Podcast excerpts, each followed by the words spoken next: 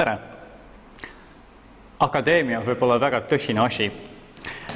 mida kirglikumalt mingisuguse teemaga tegeldakse, seda emotsionaalsemaks arutelud minna võivad. Nende käigus võivad ohvriks langeda pikaajalised suhted ka vanade ja kunagiselt heade sõprade ja kolleegide vahel. ja mida avalikumalt sellised arutelud peetakse, seda suurem sõbralike suhete hapuks minemise tõenäolisus. Täna tahaksin rääkida just sellisel teemal, sellisest avalikust arutelust kahe äärmiselt olulise ning andeka saksa teadlase kohta, ilma kelleta meie arusaam piibli ajaloost ning semiitikeelte omavahelistest suhete, suhetest oleks palju kehvem. enne, et nad avalikult hakkasid teineteisega tülitsema, olid nad aga olnud sõbrad ja enne seda professor ja tudeng.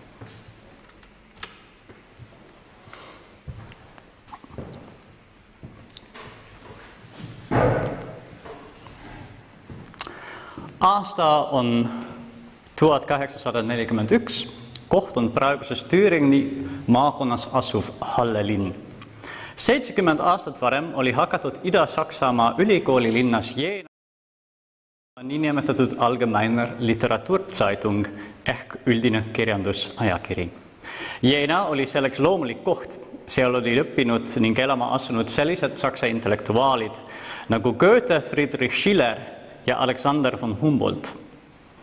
üheksateistkümnendal sajand, üheksateistkümnenda sajandi keskpaigas oli Jeena üks Preisimaa peamisi ülikoolilinnasid kui aga ALC peatoimetaja Gottfried Schütz oli vastu võtnud professuuri Halle ülikoolis, kolis ajakiri, ajakirja toimetus koos temaga sinna. ajakirja nimetus katab selle sisu üsna hästi. Seal avaldati mitmes keeles, peamiselt loomulikult saksa keeles, kuid samuti ladina, prantsuse ja inglise keeles. kirjatükid käsitlesid igasuguseid teemasid, eriti humanitaarteadlaste alal aga ei piirdunud selleni. nii võis leida seal Württembergi seadustiku kommentaare, reisikirjeldusi Jaapanist ning ajaloolisi traktaate jesuiitide ordust.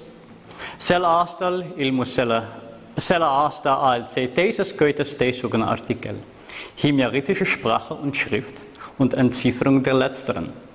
Eesti keeles võime öelda himjari keele, himjari keel ja kiri ja selle viimase dešifreerimine autoriks Wilhelm Gesenius. Wilhelm Gesenius oli sündinud aastal tuhat seitsesada kaheksakümmend kuus ja õppinud nüüdseks kadunud Darmstadti ülikoolis filosoofiat ja teoloogiat. teoloogiaõpe hõlmas loomulikult ka mitme piibli ja iidse Lähis-Ida keele selgeks saamise, sealhulgas muidugi heebrea ja kreeka, aga ka ladina, aramea ja araabia keelt juba noored kasvas Gesenius suureks semiitikeele asjatundjaks ja kahekümne nelja aastasena oli ta kirjutanud ning välja andnud kirjelduse malta keele grammatikast. Sellega oli tõestanud, et malta keel ei olnud iidsest Põhja-Aafrikas äh, kõneldud puunia keele järeltulija, vaid üks araabia murretest või keeltest, mille olid sinna veetud äh,, mis oli sinna veetud äh, pärast islami valutusi seitsmenda ja kaheksanda sajandi jooksul. järgnevate aastakümnendite jooksul andis Gesenius heebrea filoloogiale olulise tõugu ning põhimõtteliselt rajas enamasti üksi võrdleva semitistika iseseisva äh,, iseseisva, vabandust, eraldiseisva uurimisvaldkonnaks õppijõuna nõudis Gesenius tudengite seas suurt populaarsust ja öeldakse, et tema heebrea keele kursusel võttis osa üle viiesaja inimese. tänu sellele koondusid Geseniuse taga ka mitmed andekad tudengid, kellest paljud hiljem omakorda suurteks akadeemikuteks kasvasid. üks neist, Emil Rödiga, oli ise aastaks tuhat kaheksasada nelikümmend üks Halle ülikoolis määratud professoriks ja saanud oma vana professori kolleegiks Äh, nagu Gesenius oli ka Rödiger olnud noorest eas akadeemiliselt äärmiselt aktiivne. kahekümne viie aastasena oli ta juba kaitsnud oma doktoritöö ning viis aastat hiljem oli teda määratud orientaalkeelte professoriks. Seda, et suhted Geseniuse ja Rödigeri vahele äh, jäid ka äh,, jäid ka sõp-, sõprilikuks pärast viimase professoriks sirgumist, kinnitab nende ühine sõber ja Ameerika piibliteadlane doktor Edward Robinson, kes kirjutas järgmist. He was accustomed to see his literary friends at his house in the evening, where in the manner of German social life, a supper was a necessary accompaniment. In this way, circles of a great interest were sometimes met with at his table, embracing high literary names. The writer well remembers a more private occasion of this kind when, on a return from Palestine in 1838, he passed an evening at the house of Gesenius with only Gesenius himself, Toluk, Rödiger and siis eesti keeles. Ta oli harjunud nägema oma kirjanduse sõpru õhtuti enda kodus, kus Saksa sotsiaalelu kohaselt vajalikuks kaaslaseks oli õhtusöök. Sellel viisil kohati suured seltskonnad. autor mäletab hästi privaatsemat sellest tüüpi kohtumist, kui tagasiteel Palestiinast aastal tuhat kaheksasada kolmkümmend kaheksa veetis ta õhtu Geseniuse juures koos ainult Geseniuse enda Toolku, Rödegeri ja Riinekega ja raudselt oli üks söögilaua äärsetest teemadest hiljuti leitud ning Euroopasse saadetud raidkirjade koopiad, mille tähestikku keegi Euroopas seni polnud võimeline dešifreerima.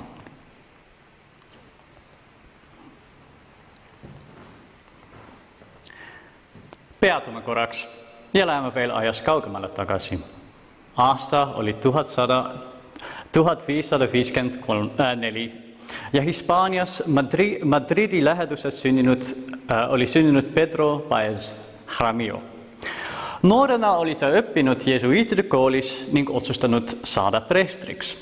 kui Paez oli kuusteist, ühinesid Hispaania ning Portugali riigid ning selle valguses saadeti tema missionäriks Etioopiasse kui Paes, kui Paes aga Jeemenisse sattus, langes ta hõimude kätte ning oli sunnitud veetma sinna seitse aastat, enne teda vabaks oma kirjutas raamatus ajalugu. ta kirjutab nii. The following day, we arrived at a small village they call Melkis, where there are ruins of large buildings and many stones with ancient letters that not even the local people knew how to read or explain. Järgmisel päeval jõudsime väiksesse külla, mida nimetati Melkis, kus leidub suurte majade varasemaid ning palju kivisid iidsete tehtedega, millest isegi kohalikud aru ei saanud ega suutnud selgitada. küla, millest, äh, millest Paes räägib, on Mahram Bilqis, kus enne islamit asus Lõuna-Araabia, üks Lõuna-Araabia pühakodasid. Paes oli siis tõenäoliselt kõige esimene eurooplane, kes neid raidkirju nägi me saame põhimõtteliselt aru, miks tal ei olnud aega ega jaksu neid kirju kopeerida või järgi joonistada. isegi kui ta oleks selleks võimeline olnud, on väga kaheldav, et tema reisikaaslased oleks talle selleks võimaluse andnud. see oli alles kakssada aastat hiljem, et Saksa avastaja Ulrich Jasper Seetsen, kes oli ennast moslemiks maskeerinud ja nime Musa al-Hakimi all enam-vähem incognito ringi reisnud, neid esimest korda üles kirjutas pärast tahtis Seetsen ette võtta reisi Omaani, aga suri kahtlastel tingimustel. tõenäoliselt teda mürgitati Sanai imaami kasu, käsul. sada aastat hiljem oli poliitiline olukord India ookeanil oluliselt muutunud ning Briti impeeriumi Ida-India kompanii oli suutnud endale Aadeni linna soodsa koha soetada, kindlustamaks nende kaubandusteed Indiasse Portugali laevade asemel oli Briti laevastik hakanud mõjukama rolli mängima. ning üheksateistkümnenda sajandi kolmekümnendatel oli Briti leitnant James Raymond Wellstead hakanud huvi tundma mitte vaid sõjanduse, kui ka keeleteaduse ning ajaloo vastu. aastal tuhat kaheksasada kolmkümmend neli oli leitnant Wellstead laeva Palinurose peal oma kompaniiga jõudnud Jeemeni rannikulinna Hisnel Ghurab mis suure tõenäosusega vastab ajaloolises linnale Kadee, millest rääkisid juba Kreeka geograafid kaheksandal ning kolmandal sajandil pärast Kristust.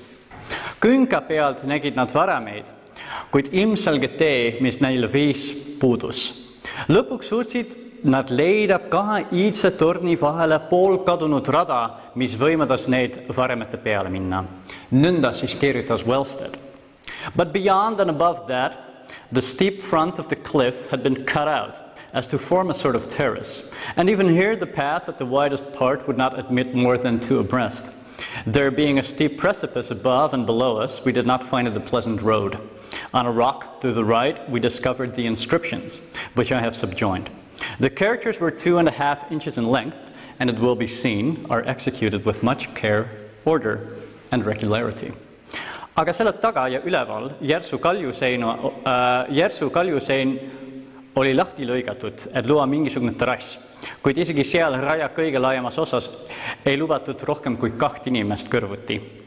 nii meie all kui ka üleval järsakud me ei leidnud seda meeldivat teed. paremal käel avastasime need raidkirjad, mis ma olen lisanud tähed olid pikkuselt kaks ja pool tolli, siis umbes kuus ja kuus punkt kolm sentimeetrit, vabandust.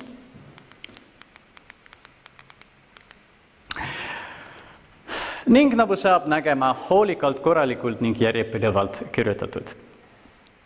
ehk ta siis sellel ajal ei suutnud teda veel, seda veel teada Wellsteadi kirjeldus kannab pealkirja Account of some inscriptions in the Abyssinian character. Ehk mööda Abyssinia kirjas raidkirjade kirjeldus, aga Wellstead oli leidnud ühe viimaseid Lõuna-Araabia raidkirju, mis oli kirjutatud aastal viissada kakskümmend viis pärast Kristust oma avastustest rääkis Wellstead kõigepealt Bombay kubernerile John Fitzgibbon kes tegi selle, kes tegi kokkuvõtte Wellsteadi päevikust ning saatis selle Suurbritannia kuningliku Aasia ühingule, Royal Asiatic Society, mis avaldas selle järgmisel aastal oma ajakirjas.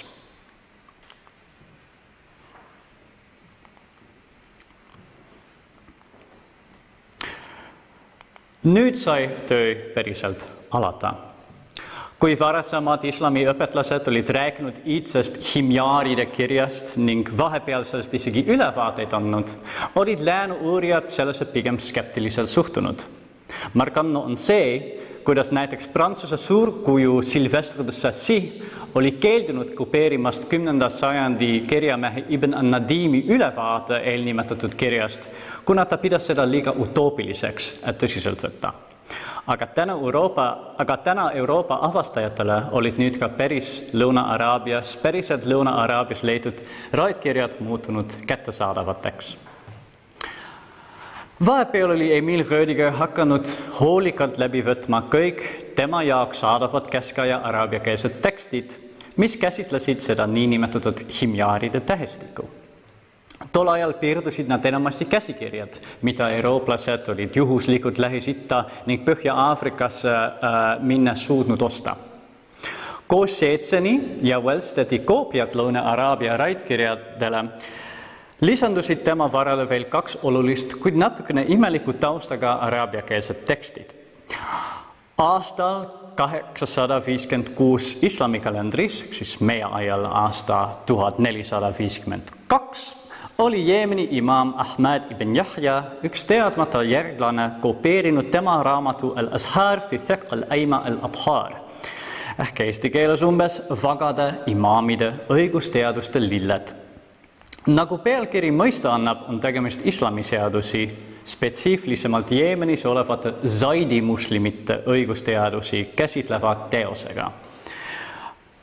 Aga millegipärast oli kõnealune noor õpetlane lisanud tekstile pildi Lõuna-Araabia tähestikust, nagu siin näha, koos vastavate araabia tähtedega. teine Rödegerile kättesaadav teos oli üks persiakeelne ajalooline raamat Safina Bahr al-Muhit. sina oli autor samuti lisanud kaheksa tähestikku, millest himjari, millest himjari tähestik oli vaid üks.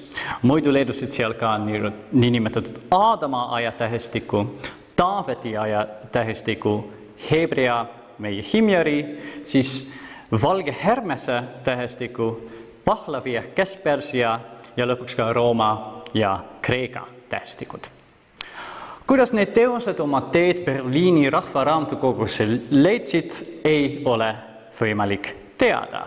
võib-olla mõni eurooplasest külastaja Lähis-Idas olid neid niisama ostnud ning lasknud eurooplase vedada.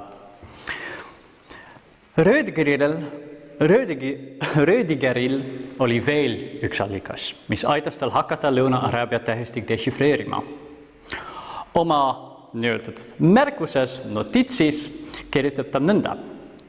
Esiteks, Araabia kirjamehed väikesest korruptsioonidest hoolimata on, olid suutnud üsna hästi ja korrektselt säilitada ülevaate Araabia, Lõuna-Araabia tähestikust lisaks toob ta välja, et vaadates nii ajal, nii ajalisi kui ka geograafilisi vahesid, näitasid Lõuna-Araabia reedkirju tähestiku poolest suhteliselt suurt järjepidevust. aga tal oli veel üks alakaart.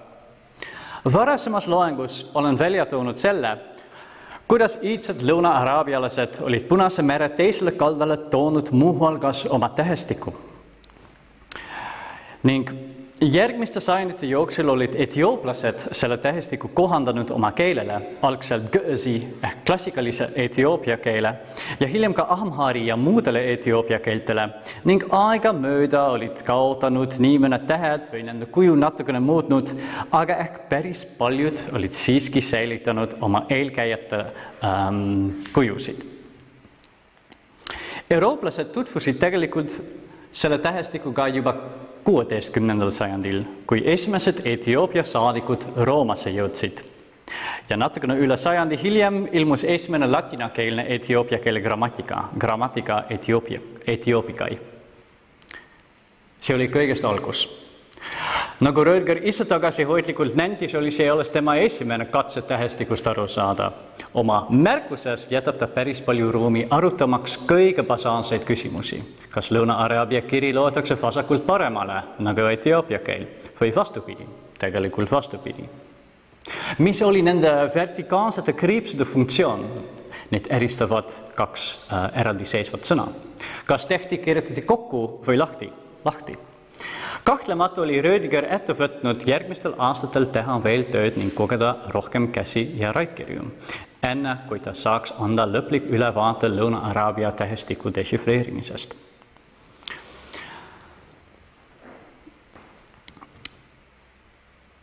ja see on väga võimalik, et Emil Rödiger oli tol õhtul, millel tema, millest tema kolleeg Edward Robinson oli rääkinud vanale professorile ja praegusele kolleegile Geseniusele oma mõtetest rääkinud me võime igatahes ette kujutada tema pahameelt, kui alles paar aastat hiljem ta Halle Allgemein Literaturteitingust nägi, kuidas Wilhelm Gesenius oli välja andnud oma tõlgenduse Lõuna-Araabia tähestiku dešifreerimisest.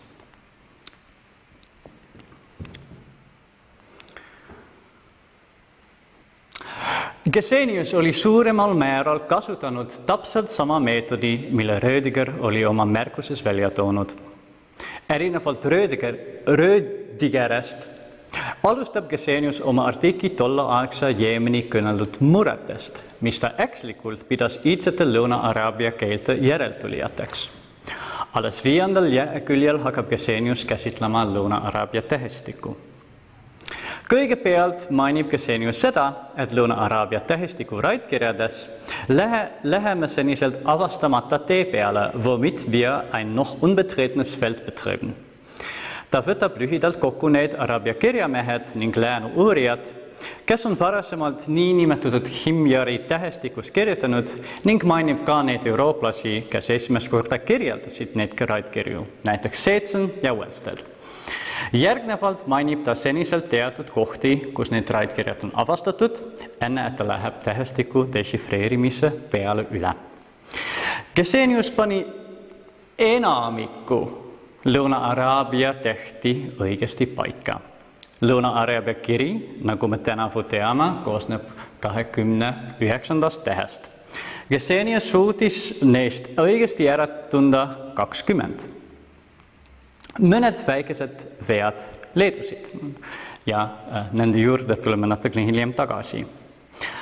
oma artikli lõpetab Gesenius järgnevate sõnadega.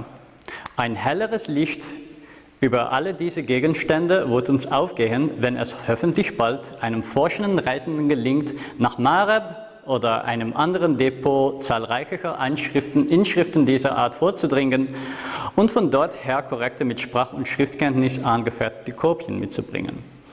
Ehk ähm, selgem valgus selle olukorra peale äh, tuleb meile ette, kui loodetavasti varsti keegi võtab keegi võtab ette uuriva reisi Marebile või teisele kohale, kus leidub, kus leidub ohtralt raidkirju äh, ning koos keele ja kirjateadmisega koopiaid tagasi tuuakse meie juurde. kaks kuud hiljem järgneb Rödgeri vastus. samas väljaandes ning Suurbritannia Kuningliku Aasia Ühingu pühendatust, pühendustega ilmub doktor Emil Rödigeri Halle ülikooli äh, orientaalkeelte professori artikkel Himjari kirja, kirjamonumentide Katze. Versuch, Versuch über die himjaritischen Schriftmonumente. artikli allpealkiri koos eessõnaga härra doktor Geseniusele. Rödigeri vastuse esimesed sõnad on järgmised Te olete kõrgelt austatud sõber. hiljuti Halle kirjanduse ajakirjas välja andnud essee Himjari keele ja kirja kohta. Teil on aga teada seda, et mina olen tõlke kõrval pikemat aega Himjari raidkirjadega tegelenud ning jätkab peaaegu läbi tungimata akadeemilises saksa keeles nõnda. Teile ettekandes mu enda katsete tulemused eesmärgiga saavutada heatahtlik hinnang on kõik meie, meie endi jaoks ära võetud suulise arutelu käigus, kuidas mina olen suutnud vaid paar kuud hiljem publitseerida teie õpetatud kirjandi samal teemal, ilma arvesse võtmata neid tulemused, mis teie olete saavutanud ent tunnen ennast publiku eest kohustatuna ütlema, et käesolev kirjand ega teid puudutav eessõna ei ilmuks en, ilma teie etteteadmiseta ning et vaba arutelu meie erinevate vaarte vahel ei saaks tekitada arusaamatusi meie vahel.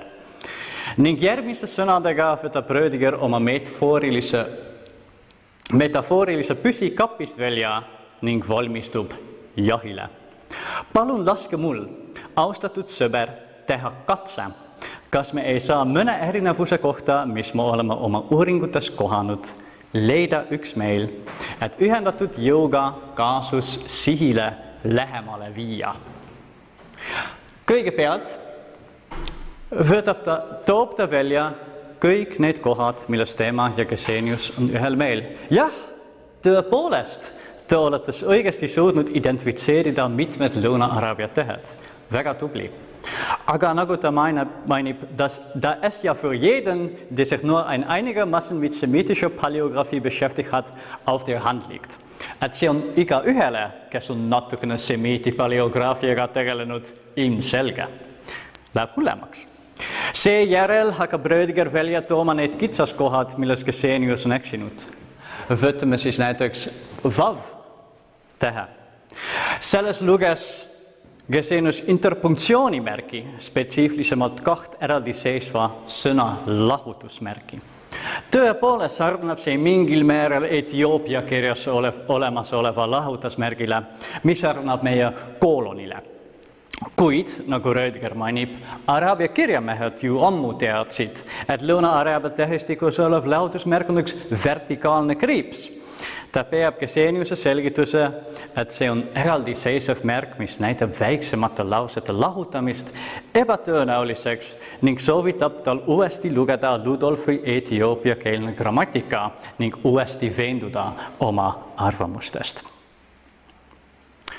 kahekümne lehekülje vältel toob Rödiger välja põhimõtteliselt kõik asjad, nii suured kui ka väikesed, milles Gesenius on eksinud ja tõepoolest, Rödgeri katse Lõuna-Araabia tähestikku dešifreerida oli palju täpsem ja palju õigem.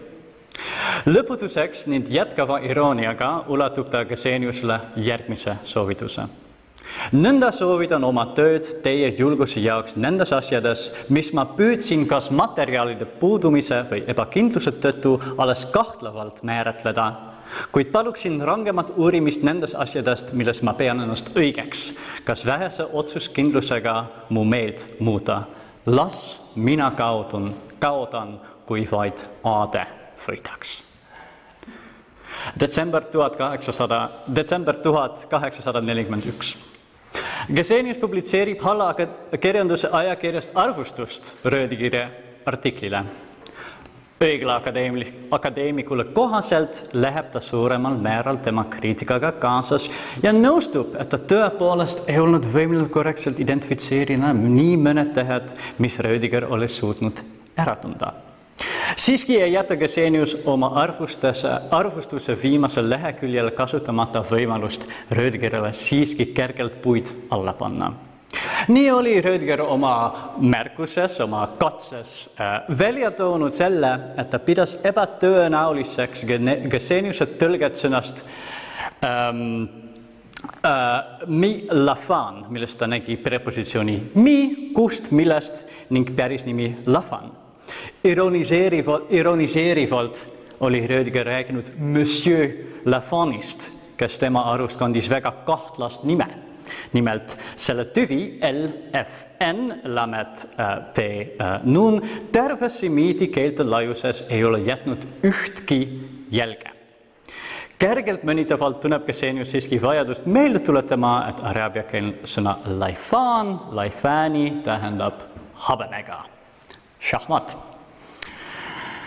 samal aastal novembris ning järgneva aasta jaanuaris saadab Rödiger kaks kirja oma sõbrale, Berliinis resideeruvale teoloogile Franz Ferdinand Benari, milles ta nendib, et soojad suhted, mis kunagi tema ja Gesenius olid olnud, vahepeal oli kergelt, kergelt jahtunud. ma olen kõige avatuse ning aususega tema ette läinud, ent mul on tema käitumise osas pigem etteheiteid. ma olen temalt palunud, et ta räägiks avalikult ta tahab seda teha ja kindlasti teeb seda kohasel viisil, nii et see isiklik asi, millisel määral seda ka teised ei näeks, oleks läbi.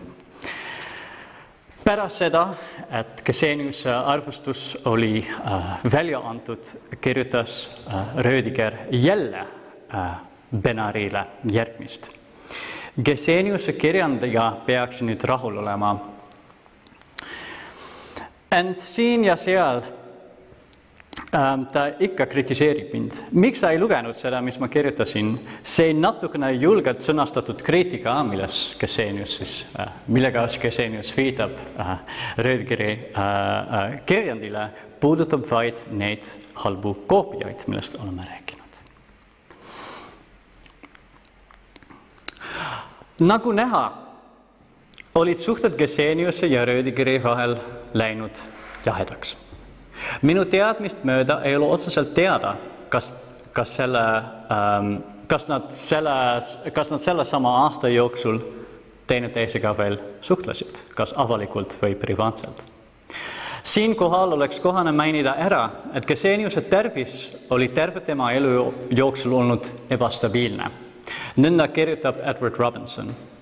The delicate organ in him was the stomach And to such a degree was this member liable to derangement that what in others would have been but a moderate repast sometimes produced in him the appearance of excess. tema õrnuke elund oli magu. sellisel määral kippus see osa segaseks muutuma, et see, mis oli teiste jaoks vaid möödugas einestus, tekitas tema, temas ülemäärasust. terviseprobleemid tekkisid Geseniuses sellesama aasta juunikuul. nii kirjutas äh, kirjutas Gesenius Edward Robinsonile vastu. I have recently suffered frequently from a nervous cramp in the stomach, which affects the whole system. It leaves behind it great weakness and unfits me for labor. olen hiljuti kannatanud maos närvilise krampi tõttu, mis on mõjutanud tervet minu süsteemi. ta jätab järgi tugevat nõrkust ning teeb mind töövõimetuks.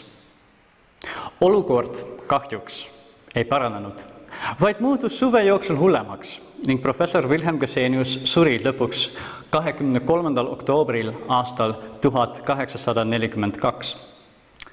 Õnneks tundub, et tema endine tudeng ning kunagine sõber professor Emil Rödiger olid enne ta surma suutnud leppida temaga.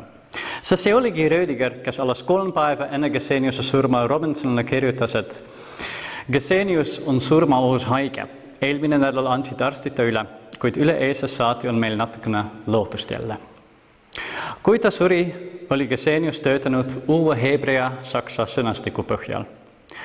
kui ta hing läks, oli ta vaid jõudnud aini täheni ning lõpuks oli see Rödiger, kes tema löö lõpule viis ja välja andis. Ent saame rõõmustada, et ammustest sõpradest saanud rivaalid teineteist veel viimastel kuudel leidsid, oli see tõesti üks markantsemaid episoodi Lõuna-Arabistika ajaloos. ehk kuidas Lõuna-Araabia tähestiku dešifreerimine kaks sõpra tüli ajas. aitäh!